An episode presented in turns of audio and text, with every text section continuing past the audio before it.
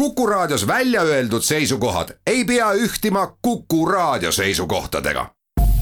Te kuulate Kuku Raadiot.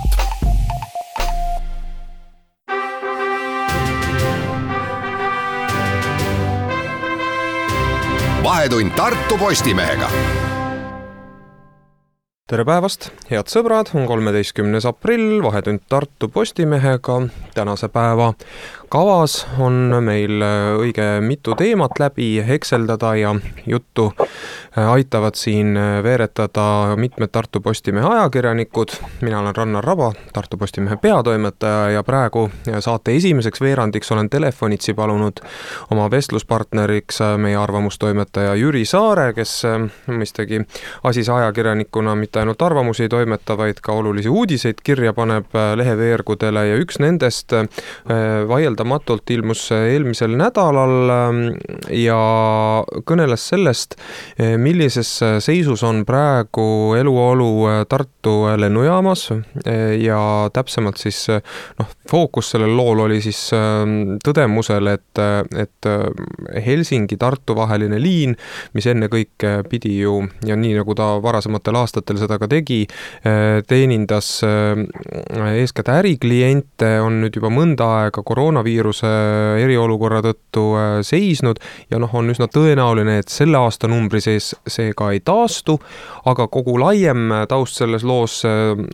peegeldus siis ikkagi nendes numbrites ja tõdemustes, mis rääkisid sellest, kuivõrd vähe on tegelikult Tartu lennujaamas praegu äh, tegevust ja kuidas see ka võib mõningaid hädapäraseid lende, näiteks meditsiinilende takistada. Jüri,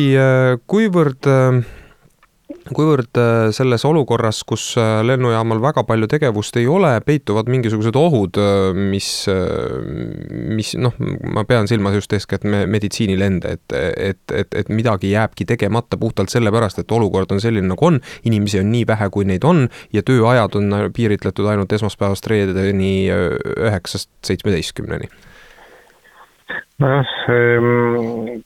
vastu, vastu, vastus algab sellest, et Tartu lennujaamal on ju äh, laias laastus äh, kolm äh, suurt ülesannet, üks on olnud reisilendude teenindamine, teiseks on lennukolledž ja, ja õppelennud.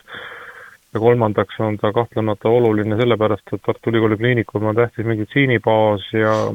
kus, kus ka muuhulgas elundi siirdamistega tegeldakse ja on, on, on, on, on selliseid episoode, kus ähm, on äh, oluline väga kiiresti siis liigutada neid ähm, elundmaterjale. Ja, ja on teada märtsi algusest äh, üks juhtum, kus äh, lennujaam oma vähe, vähese mehitatuse ja halbade ilmaolude tõttu ei olnud võimeline lennukit vastu võtma ja sealt on siis tekkinud ärevaid ja murelikke signaale, et, ähm, et, et nii ei ole hästi ja tuleks otsida lahendust äh, ja, ja siis, kui see, ja siis, kui see esimesed kajastused olid, siis ka pakuti ikkagi, et lisaraha aitab äh, lennujaamal siis seda tööaega pikendada, kuid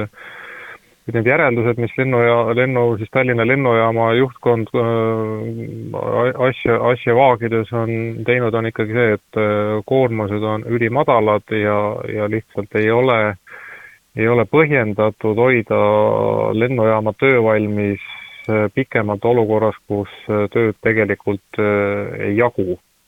ja siis on leitud, et, et võib-olla on, on ka muid lahendusi, näiteks ähm, äh, kopteriühendus Tallinna lennujaamaga võiks nendes kõige hädalisemates olukordades ikkagi siis kiired, kiired lennuühendused tagada. Eelmisel nädalal ei olnud veel selles osas selgust, et kuivõrd mõeldav see lähiajal oleks selline kuidagi püsiv, püsivalt äh, toimiv süsteem selle kopteri abiga käima panna. No,, kas sul praegu on uut informatsiooni? selle, selle kohta ei olegi võimalik öelda muud, kui et see on ikkagi see viimane õlekõrs ja esimene, esimene, esimene ja, ja peamine vastus on, et lennujaam töötab äripäeviti kella üheksast viieni ja, ja töövälisel ajal on ikkagi lendude teenindamine võimalik, juhul kui on piisav etteteatamine, noh, see on see, see on see järeldus siis olnud. juttu on vist et... olnud, ma segan vahele korraks, vabandust, et mälu värskendada umbes paarist tunnist, mis tähendab sellise ja. erakorralise lennu vastuvõtmine vähemalt et, etteteatamise aega nõuab just nimelt, jutt on olnud sellest, et äh, kaks tundi, kaks tundi suvel ja, ja kolm tundi talvel, ehk et siis on noh, ilma, ilma, ilma riskid, et äh, võib-olla on äh, töötajal vaja ennast kodust välja kaevata ja võib-olla on vaja lennurada puhastada, et sellest siis aega, aga aga, aga eri, erisused võimalikud ja elu on täis ootamatusi ja nagu me teame, siis ka äh, tava, tavapärasel ajal tuleb ikkagi ette päevi, kus lihtsalt ilm ei võimalda lendu tõusta või lennukil lennuvahendil maanduda ja nüüd siis see teine oluline teemaosa, mis puudutab äh, Helsingi liinilende, mis mõnda aega seisnud on, äh, kuivõrd siin üldse õhus mingisuguseid praegu etteennustatavaid muutujaid on, et äh, noh, loomulikult kui me oleme alati rääkinud sellest, et Tartu elujõulisuse üks peamiseid küsimusi on erinevad ühen-, ühendused, olgu siis jutt maanteest, raudteest või ka lennundusest, et siis see Helsingi liini olemasolu on olnud üks selliseid stressi maandajaid, vähemalt üks selline edulugusid, mida alati nagu esile tõsta, et mida midagigi meil on, nüüd seda ei ole. et ähm, mm, kuivõrd sinu arvates siin praegu on õhus seda võimalust, et äh, tegelikult veel äh, ka näiteks järgmisel aastal äh, me räägime siin väga pikalt ette, ei taastu see liin ja et, et, et noh, see kogu see võitlus, mis justkui sellel Helsingi liini käimapaneku ja töös hoidmise nimel aastate vältel peeti, on nüüdseks täiesti liiva jooksnud ja peab nagu nullist alustama ja see ei, võib-olla ei taastu mitte kunagi ei tahaks nii pessimistlik olla, aga samas äh, kui, kui siis teadjate käest küsida, siis optimistlikeks sõnumiteks tõesti on ka praegu pisut vähe alust, et kui siin Tallinna lennujaama juhtide tõdemus on see, et äriklientuuri pole ja, ja äri, ärilend ei, ei ole isegi suurte pealinnade vahel, et siis äh, noh, tuleb tunnistada, et Tartu on ikkagi lennunduse mõttes olnud äh, provints ja perifeeria hoolimata meie kõrgkoolist äh, kogu aeg ja, ja oleme olnud rõõmsad selle üle, et vähemalt see üks lennu, lennuliin on olnud. aga et äh, kui vaktsineerimiste edukuse järel ikkagi tavaline elu taastub, siis noh, siis me võiksime ju meenutada, et äh, aasta eest veebruaris oli pilt veel ju ilus ja meil oli lennujaamas kaks pool tuhat reisijat kuus ja, ja, ja, ja, ja, ja ikkagi oli, oli, oli usk ja lootus, et, et, et et kõik läheb paremaks ja unistati isegi ju sellest, et lennusagedused äh, suurenevad ja, ja, ja räägiti muuhulgas ka võimalusest, et võiks tekkida Stockholmi lend, noh et et äh, kui äh, vaktsineerimine õnnestub, äh, haigus taandub, elu taastub, ma kahtlustan, et inimestel liikumisvajadus ka taastub ja, ja kui on nõudlust, küllap siis ka lennatakse. no eks siin vist jah, need asjad on täpselt samadel alustel praegu küsitavad, aga kunagi ka vastatavad, et kuivõrd sellest äh, koroonakriisist äh, väljumine saab siis äh, olema positiivses mõttes plahvatus äris ja see peab kindlasti selles lennunduses ka ju mingil moel väljenduma. Jüri, meil on aeg kahjuks praeguseks otsas, läheme reklaamipausile ja siis ühineb minuga Jens Raavik, Tartu Postimehe uus reporter, temaga räägime ka ärist, aga hoopis maisemast ärist.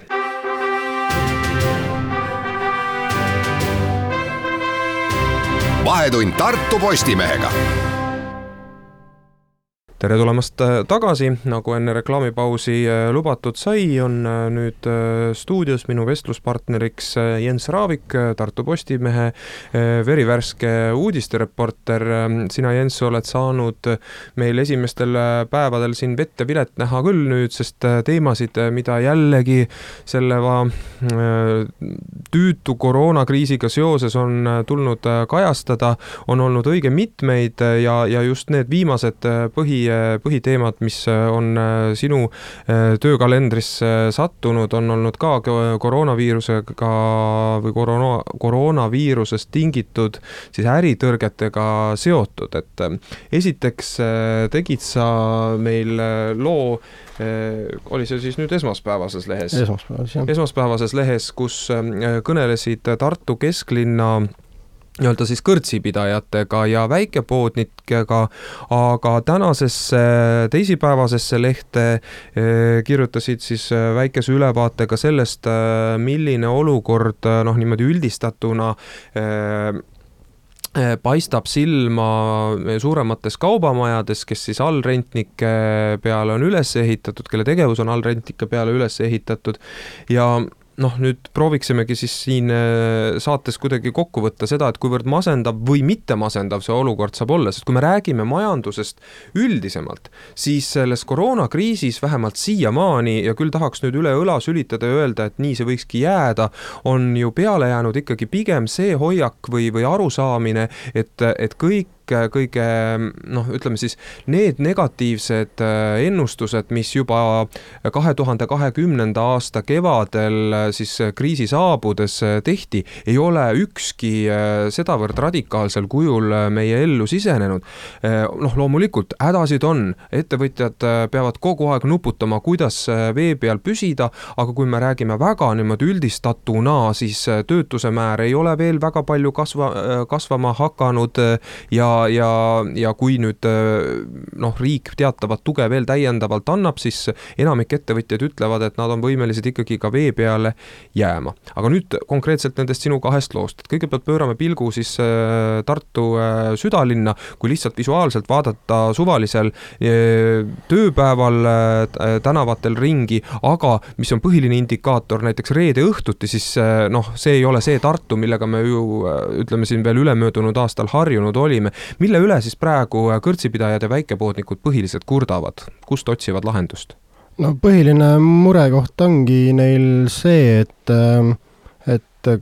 piirangud on nii karmid, et neil ei olegi üldse mõtet ennast nagu lahti hoida, sest et äh, noh, inimeste tööpäevad lõpevad äh, reeglina kell viis, mõnel hiljem, ja siis äh, ongi see, et kas tunniks või kaheks tulevad inimesed baari ja neil lihtsalt käive on nii madal, et neil ei ole mõtet nagu töötajaid isegi tööl hoida no ma saan aru, et baarid praegu on ju põhimõtteliselt üldse kinni, eks, et äh, küsimus no... on selles, et kas sa, kas saab pakkuda nõuetele vastavalt väga kitsastes oludes äh, sellist äh, toitlustamist ja ka ma saan sellise koju müümise varianti, aga seda vist äh, nagu väga, väga paljud ei tee, ehkki meil äh, teine lugu oli ka tänases lehes, mis aparaaditehase näitel äh, räägib sellest, kuidas äh, äh, siis inimesed, kes varem olid teenindajad äh, kohvikutes, on pidanud ka kulleri rolli asuma, et selline rollide ümberjaotus on praegu nagu väga tavaline nähtus. Jah, ma tean ise ka mõnda sellist äh, tublit inimest, kes enne oli baarmen või ettekandja või lausa noh, kokk, aga lihtsalt kuna hetkel tööd ei ole, siis ta on pidanud hakkama ratta või autoga sõitma Wolti ja Bolti, et aga kuidas need sinu tuttavad on äh, sellest kogemusest seni rääkinud, et ähm, noh, see, kui inimene peab ühtäkki hakkama tegema midagi muud, mida ta seni on harjunud tegema, noh, sõltuvalt muidugi siis inimesest, et eks mõned inimesed muudavad oma eh, igapäevaseid tegevusi suhteliselt sageli, mõned jällegi mitte, et et kui palju see nagu mõjutab neid, et, et kui sa oled ikka kokk ja siis sa pead ühel hetkel hakkama kulleriks, et siis äh, see võib ikka olla ka paras äh, hoop sinu professionaalsele minale eks ta muidugi on ja noh, äh, mõnel võib-olla hakkab ego pihta ka, sest et äh, noh, kulleri ametit nagu näha, siis võib ka teha niimoodi, et sa ei pea õppima isegi riigikeelt selgeks ega midagi, et sa võid lihtsalt võtta äpi lahti ja hakata pihta. et noh, see ei nõua nagu otseselt mingit eelnevat töökogemust või midagi sellist, et eks nad ikka on õnnetud ja kes on nagu ehitanud oma elu üles, et karjääriredelil üles astuda samm sammhaaval, siis nemad on nagu väga õnnetud selle üle, et nüüd karjäär läbi on põhimõtteliselt nojah, et kui mitte läbi, siis äh, mingi tagasilöök või, või, või, või mingi kannapööre sellest kriisist väga paljude jaoks ikkagi ju tekib, selles ei ole ju kahtlust ja noh, neid tagajärgi, äh, mis saavad olema raskemad, ma kahtlustan, et äh, ongi õigem mõõta alles ütleme, ma ei tea, tänavu sügisel või, või veel isegi aasta pärast, et siis on näha need järellainetused ka. sest no. praegu elab ju majandusteenist-, teenindav sektor, see horecasektor, millest on ju meie kriisi peamise kannatajana enim räägitud, ikkagi elab suuresti veel selles teadmises, et ehk saab see kriis äh, kähku läbi ja siis äh, tuleb selline noh, nii-öelda paisu tagant äh, välja see tarbimine ja see toob nagu sellise uue, uue tõusu, aga kui seda ei tule ja see on võimalik, sest majandus on emotsioonide kunst, siis, siis võib-olla aasta pärast, kui me sama juttu räägiksime, võiksid need olla märksa masendavamad noh, siis nii-öelda tõdemused. no hetkeolukord ongi selline, nagu ma siin olen aru saanud äh, inimestega suheldes, kes on baariomanikud ja baaride töötajad või üldse noh, väikefirmades, et äh, praegu elatakse säästudest ja sellepärast ei ole veel ka töötus äh, nii hullult kasvanud, et äh, noh, baariomanikud, poeomanikud, nad ikka üritavad oma töötajaid veel nimekirjades hoida, kuigi paljud on nagu öelnud, et noh, võta ennast töötuna arvele, eks ole, aga aga noh, mingi lootus veel säilib niikaua, kuni raha veel taskus on, et kui see nüüd peaks äh, otsa saama ja tagavaradest enam midagi võtta ei ole, siis, siis läheb asi kurvaks. see on väga huvitav ja väga oluline tähelepanek, mis sul on, et eh, ühelt poolt eh, ma tahaks öelda, et minu arvates, kui ma mõtlen varasemate kajastuste peale, mida me läbi aastate ajakirjanikena oleme teinud ja, ja siis kolleegide tööd pidanud ka lugema, et et, et ettevõtjate, noh eriti väikeettevõtjate suust tuleb väga sageli seda, mm, on tulnud eh, varasemalt siis seda retoorikat, et me tegelikult elame peost suhu ja ega siin midagi kiita ei ole. ja kui ma nüüd vaatan seda, kuidas enam kui aasta aega on justkui säästude arvelt hakkama saadud, muidugi see ei käi kõigi kohta, aga väga paljude kohta, siis ma tahaks öelda, et võib-olla varem viriseti natuke rohkem, kui see asi väärt oli ja puhtalt sellepärast, et tegelikult ollakse märksa tublimad. et me, müts maha kõigi, äh, eriti just väikeettevõtjate ees, kellel selliste reservide kogumine ongi ju äh, märksa keerulisem, et, et see, et kui praegu suudetakse ikkagi veel teatavat optimismi säilitada ja, ja pole veel päriselt käega löödud, siis see ongi see, mis lõppude lõpuks ka noh, majandust aitab kriisist äh, välja tuua. Äh, noh, igal juhul palju jõudu kõikidele neile, et ja see, kui te varem natuke rohkem virisesite, kui see väärt oli, siis äh, ütleme nii, et see on nüüd küll andestatav, peaasi, et kõigil läheks nüüd hästi, vähemalt nii, et saaks selle kriisi varju enda pealt võimalikult kähku maha raputada, aga meil on jäänud selle veerandi lõpuni veel üks minut, Jens, Äh, tänase loo äh, valguses, äh, kui palju sinu hinnangul nüüd saab olema, ütleme siis Tartu suuremates kaubanduskeskustes neid kauplusi, mis, kui nüüd kevadel ikkagi piirangud leevenevad ja seda nad ilmsesti teevad, et mis enam uksi ei ava, mis veel ütleme siis näiteks septembris-oktoobris olid tegutsemas? no kui ma rääkisin siin kaubanduskeskuste juhtide ja, ja selliste Äh, rendipindade omanikega, siis äh, nemad ütlesid, et äh, probleemi väga ei ole, et pigem on just see, et noh, mõnede jaoks ei jagu ruumi, eks ole. aga samas, kui ma olen rääkinud poeomanike ja niisuguste ettevõtjatega, siis nemad on seda meelt, et noh, mm, kui varsti midagi ei muutu, siis ei ole mõtet nagu enam tulevikku ka panustada, et mm. -hmm. kahjuks no nii on. Äh, ja see sõna varsti oligi siin see kõige olulisem, et kui, kui no. varsti peaks äh, tekkima mingisugunegi võimalus äh,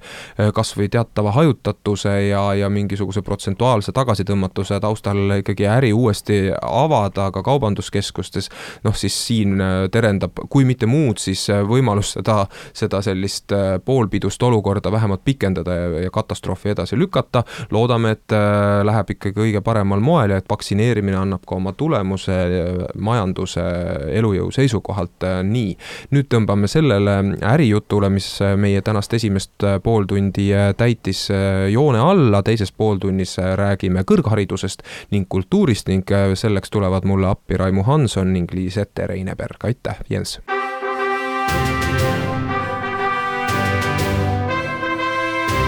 vahetund Tartu Postimehega ja tere tulemast tagasi, jätkame saadet Vahetund Tartu Postimehega, nüüd on äh, vestlusringis äh, Raimu Hanson, Tartu Postimehe kultuuriajakirjanik, tegeled ka paljude muude teemadega, aga ennekõike oled sa ikkagi kultuuriajakirjanikuna tuntud ja igati põhjendatuna ja äh, Lisette Reineberg on telefonitsi meiega ühinenud, Lisette on küll nüüd äh, universaalnahhaalajakirjanik, kes äh, saab toime väga paljude erinevate teemadega ja kaasa arvatud siis sellega, millest kohe rääkima hakkame, mina olen Rannar Raba, saatejuht endiselt.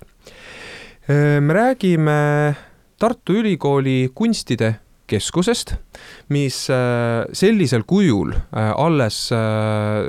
kahe tuhande seitsmeteistkümnenda aasta sügisel avati, tema põhiline tegevuskoht äh, oli siis äh, Toomemäel vanas anatoomikumis või täpsemalt peab siis ütlema, et tegemist ei olnud mitte Tartu Ülikooli kunstide keskusega, vaid Tartu Ülikooli Viljandi Kultuuriakadeemia alluvuses tegutseva kunstide keskusega, aga miks me sellest praegu räägime, sellepärast, et see keskus pannakse kinni. ja see on nüüd tekitanud mitmesuguseid eriarvamusi eh, nii eh, ülikooliga ja selle keskusega otsesemalt, otseselt seotud eh, inimeste seas, aga ka loomulikult nende inimeste seas, kes muretsevad laiemalt aka-, akadeemilise ringkonna siis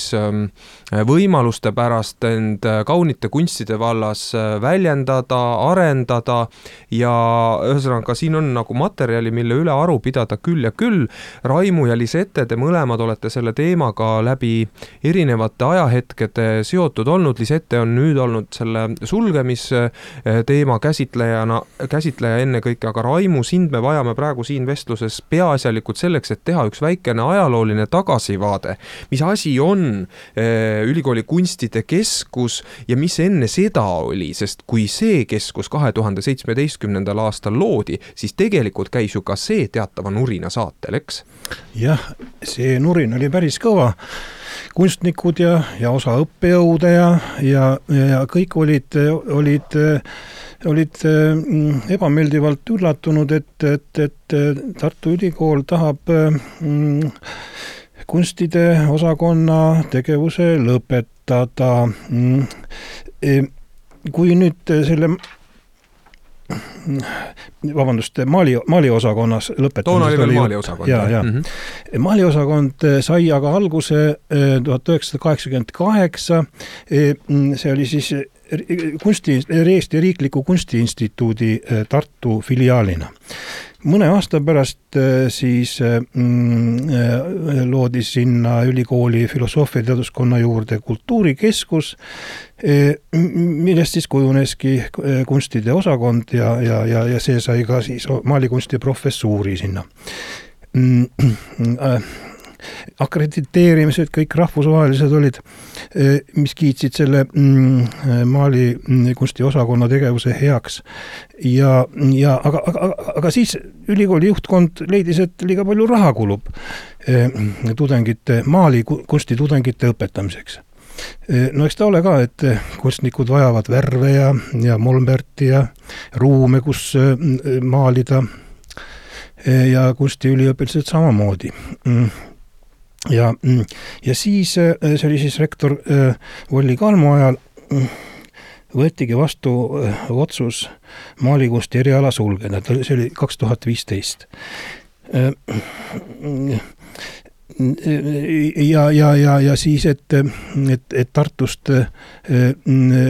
maali kunsti õpetamine siiski ei kao,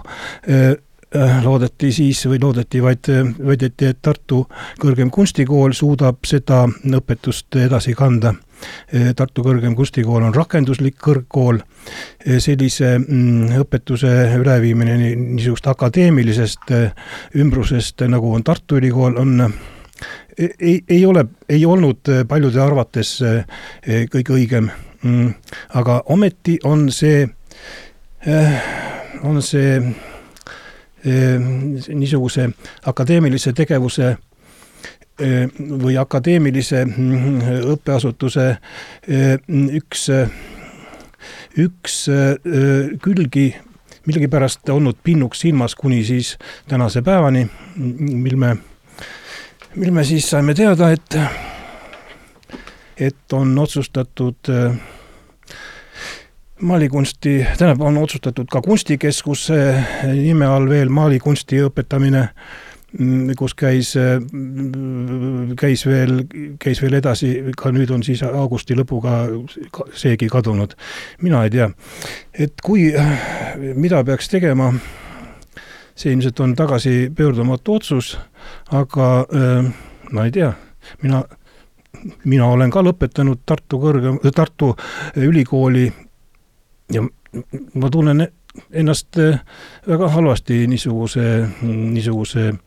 ülikooli juhtkonnas vastu võetud otsuse puhul, nagu see kunstikeskuse kadumine. jah, et ka, ka Tartu Tartu Kunstnike Liidu esimehe kohusetäitja Peeter Talvistu meie arvamusküljel oli väga kriitiline, noh, jagab siis sinuga sedasama seisukohta, et, et sisuliselt ülikool ja tema asetas veel nimeliselt äh, rektor Toomas Asserile selle vastutuse, viskas äh, siis kunstide keskuse üle parda, Lisette, sina ka kasutasid seda üle parda viskamise kujundit äh, oma loo pealkirjas ja noh, nüüd on siis minul, kellel puudub tegelikult tegelikult äh, piisav ekspertiis ütlemaks, et, et kuivõrd siin selliseks ähm, dramaatiliseks lähenemiseks on äh, alust, äh, põhjust teie käest siis nüüd küsida, et te olete mõlemad selle teemaga, noh, Raimo oma seisukoha juba ütles, aga Lisette, et kuivõrd sinu arvates see otsus, selles otsuses on neid aspekte, mis on arusaamatud või langetatud nii, et, et, et ei ole inimesi kaasatud või piisavalt, ei ole neile piisavalt asju selgitatud või on mindud millegi väga olulise nii-öelda väljasuretamise teed? jah, no kui ma rääkisin Kunstide Keskuse inimestega, õppejõududega, Kunstide Keskuse nagu juhiga, et siis see jäi küll kõlama, et, et neid justkui äh, ei ole kaasatud kõikidesse aruteludesse, aga samas Viljandi Kultuuriakadeemia direktor väljendas seda, et see nagu, et justkui see ongi tavaline, et kui, kui sa ei kuulu teatud äh, nõukogudesse või juhtorganitesse, et siis nii ülikoolis kui teistes organisatsioonides ei peagi sa eeldama, et sa oled nende otsuste juures, mis nagu minule endale, kes ma ei ole nagu ülikooliga sellel määral seotud, tundub pisut kummaline, et niimoodi asjad päriselt käivad. et kui see ongi siis tavaline, siis võib-olla peaks selle kuidagi ümber mõtlema või et päriselt need, kes on seotud olnud selle konkreetse üksusega saaksid ka sõna ja, ja neil oleks võimalus siis ka kõrgemates nii-öelda, ma ei tea, juhtorganites kaitsta oma seisukohti. et, et see, see jah, see jäi kumama, et, et justkui oleks otsused juba ära tehtud ja, ja midagi muud nagu tegelikult teha ei olegi no jaa, aga kuidas siis need asjad ikkagi käivad, et otsustusprotsessid ongi tihtipeale väga keerulised ja, ja selle jaoks on ju ametisse valitud inimesed, kes äh, otsuseid peavad langetama. jah, nad peavad seda tegema äh, oma parimast äranägemisest ja tarkusest, aga nii, et nad on varemalt kogunud äh, piisavalt alusinformatsiooni, mis annab selle otsuse langetamiseks siis noh, õige tarkuse. et ja see, et, et, et kõik nüüd demokraatlikult kätt ei tõsta viimse otsuse juures, minu arvates on ka üsna elementaarne, et kas siin ei ole mitte nagu see klassikaline häda praegu, et, et siis, kui on midagi otsustatud kinni panna või ära kaotada, siis on nagu kõik justkui õiguslikud ütlema, et see oli vale otsus no eks ta paratamatult, kui midagi pannakse kinni, siis see tekitab nagu mingisugust pahameelt ja, ja, ja võimalust öelda, et midagi on nagu valesti tehtud. aga nagu nii palju, kui mina olen lugenud erinevaid, ma ei tea, Facebooki postitusi ja, ja mis on sellesama teema kohta tehtud ja ka Mali osakonna kohta lugesin erinevaid artikleid, mida ka Raimo on kirjutanud et siis sealt äh, minu meelest jäi ka samamoodi kumama, et otsus on tehtud nagu suletud ringkonnas. jah, aga mm, tuleks, tuleks ka nüüd vaadata seda külge, et, et see otsus, otsus kaotada, kaotada ära kunstide keskus, see tähendab ju seda, et, et kaotatakse üks, üks mingi lõik, mingi Mm, mingi, mingi lõik akadeemilisest õppeasutusest, sellisest õppeasutust, mis peab hõl-, hõlmama võimalikult paljusid intellektuaalse tegevusala, intellektuaalseid tegevusalasid, noh, mille hulka kuulub ka siis maali, maalikunst. et, mm, et mine tea, et järsku järgmisel aastal istuksime siin siis mikrofonide taga ja, ja ja räägiksime sellest, et äh, klassikaline filoloogia nagu on liiga kallis õpetada, kõik need raamatud maksavad ja, ja, ja, ja õppejõudude keeleoskust tuleb kinni maksta ja noh, et milleks meile vaja üldse seda klassikalist filoloogiat, järsku järgmisel aastal peaksime küsima niimoodi. noh, vot, vot, vot, väga hea, äh, siin on nüüd siis see äh, sõnajärje ots, mille ma palun, äh, Raimo, sul siin õhku jätta, selleks et saaksime ära käia reklaamipausil ja siis hakata siit jätkamagi selles küsimuses, et, et, et miks see on oluline ja milliseid võimalikke alternatiive nüüd siis üldse veel jääb.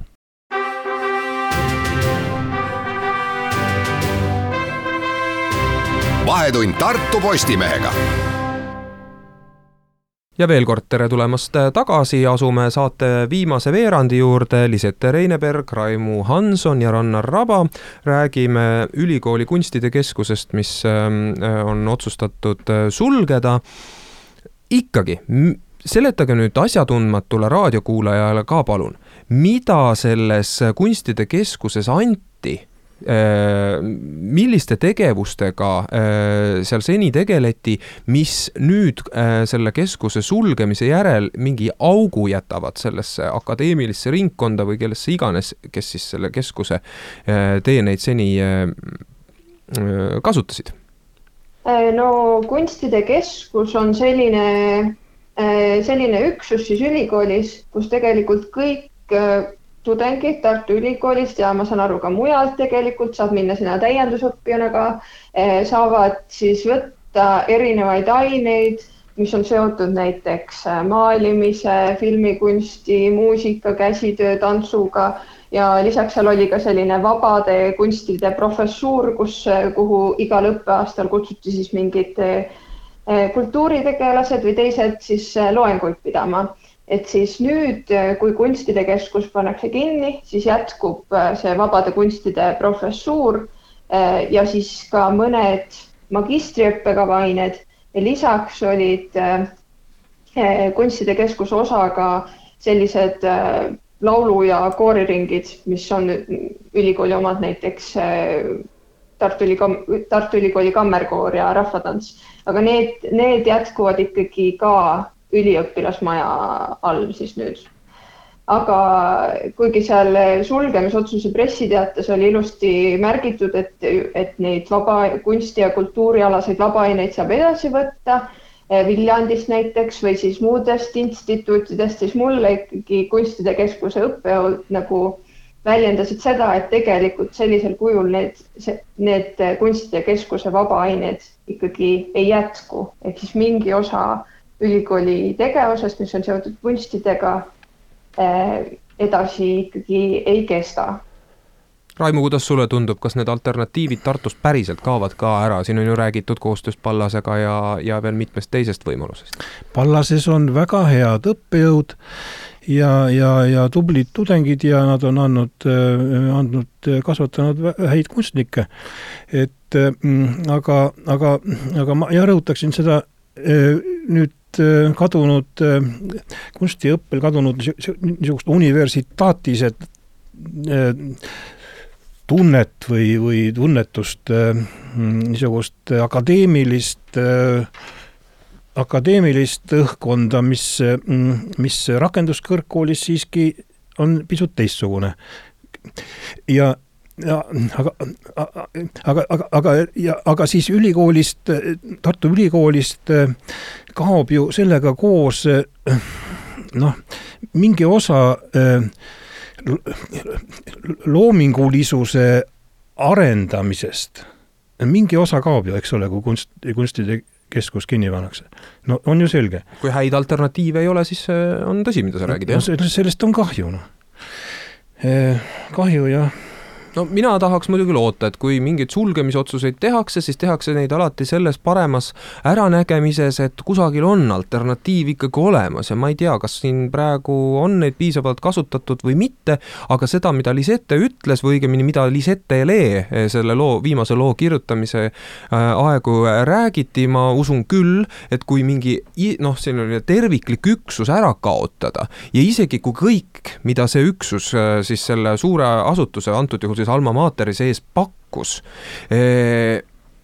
Kui isegi, kui kõik need nii, niinimetatud teenused kusagil on olemas, siis kui nad ei ole ühe katuse all, siis kõik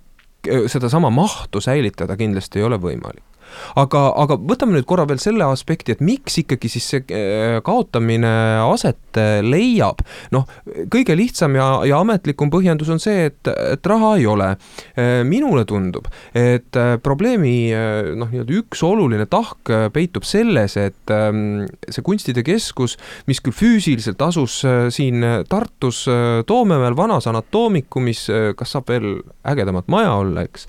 et, et ta oli ikkagi Viljandi Kultuuriakadeemia struktuuri osa, et ta oli seal kusagil selle, selle suure organisatsiooni saba lõpus. ja nüüd, kus,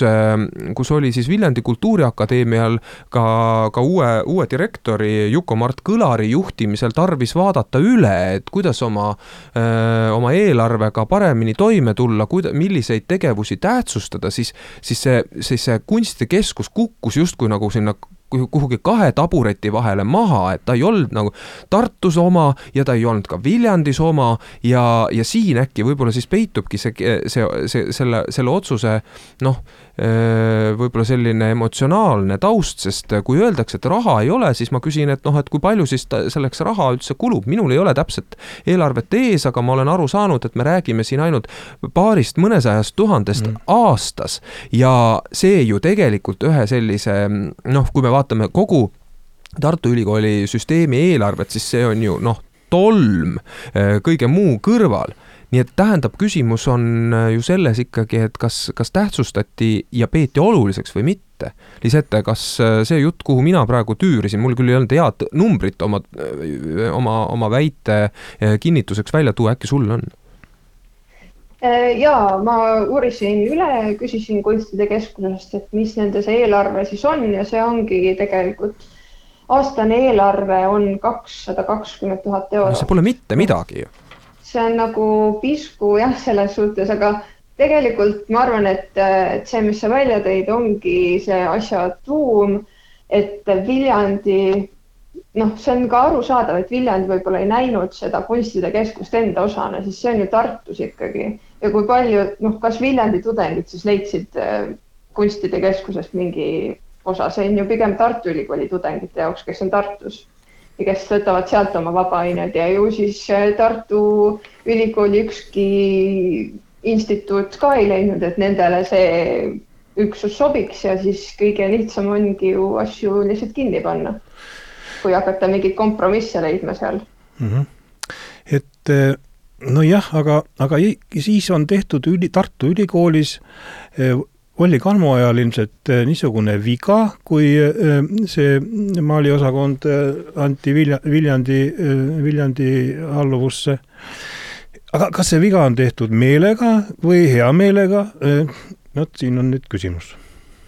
ja see on ka, ka üks aspekt, ma arvan, et kui see kunstide keskus loodi ja ta Viljandi alla ju siis läks kaks tuhat seitseteist, et kas siis ei nähtud, et seal võib olla mingi probleem või võib, võiks tekkida mingi probleem, et see justkui nagu see maaliosakond, endine maaliosakond aeti kellegi teise kaela. et, et vaadake, kuidas teie siis hakkama saate või et noh, tundub natuke läbimõtlematuse. Liseta, mis äh, nüüd siis vanas anatoomikumis toimuma hakkab pärast seda, kui kunstide keskus sealt välja tõstetakse või laiali saadetakse? No see on hea küsimus, mida peaks kindlasti nüüd äh, küsima, aga viimati, kui mina kirjutasin Kunstide Keskusest eelmise loo, äh, kus, äh, kus ma kirjutasin sellest, et ei ole lisa, ei ole raha ja oleks vaja juurde raha ja tuleb seda raha siis leida, et siis ma rääkisin ka sellest, et, et vanasse anatoomikusse vähem, anatoomikumi vähemalt mingisse ossa kolib Tartu Ülikooli IT-osakond aga siis ei räägitud sellest, et, et ta koliks kunstide keskuse aseme, asemele. et, et eks seda tuleb siis nüüd küsida, et mis sellest vanast anatoomikumist, äh, sellisest ajaloolisest hoonest ikkagi saab hmm, kahtlemata, et kui äh, ma ei tea nüüd jällegi jah, et äh, ei ole tegelenud selle analüüsiga ise, ütlemaks, mis selles, selles hoones kõige mõistlikum siis noh, nii-öelda igapäevase aktiivse tegevuse mõttes hoida oleks mõtet, see on nüüd küll üks noh, täiesti kõrvaline, aga siiski mitte vähetähtis. et öelda, et, et see maja peab elama ja sinna peavad inimesed leidma sagedamini tee kui lihtsalt omaaegset ajaloolist olulist hoonet vaatama, ehk siis nagu muuseumis käima, et Toomel võiks ikkagi ka endiselt aktiivne noh, siis kõrghariduselu kesta. aga tõmbame praegu sellele teemale joone alla, nagu me tõmbame joone alla ka kogu tänasele saatele Vahetund Tartu Postimehega, kätkes ennast, endast täna mitmeid teemasid ja, ja rääkida said mitmed ajakirjanikud. kuis läheb järgmisel nädalal, mine tea, seda näitab elu ise ja nii nagu me proovime seda kajastada oma leheveergudel, proovime seda teha ka saates, olete teretulnud meiega koos seda kõike läbi tegema. kohtumiseni!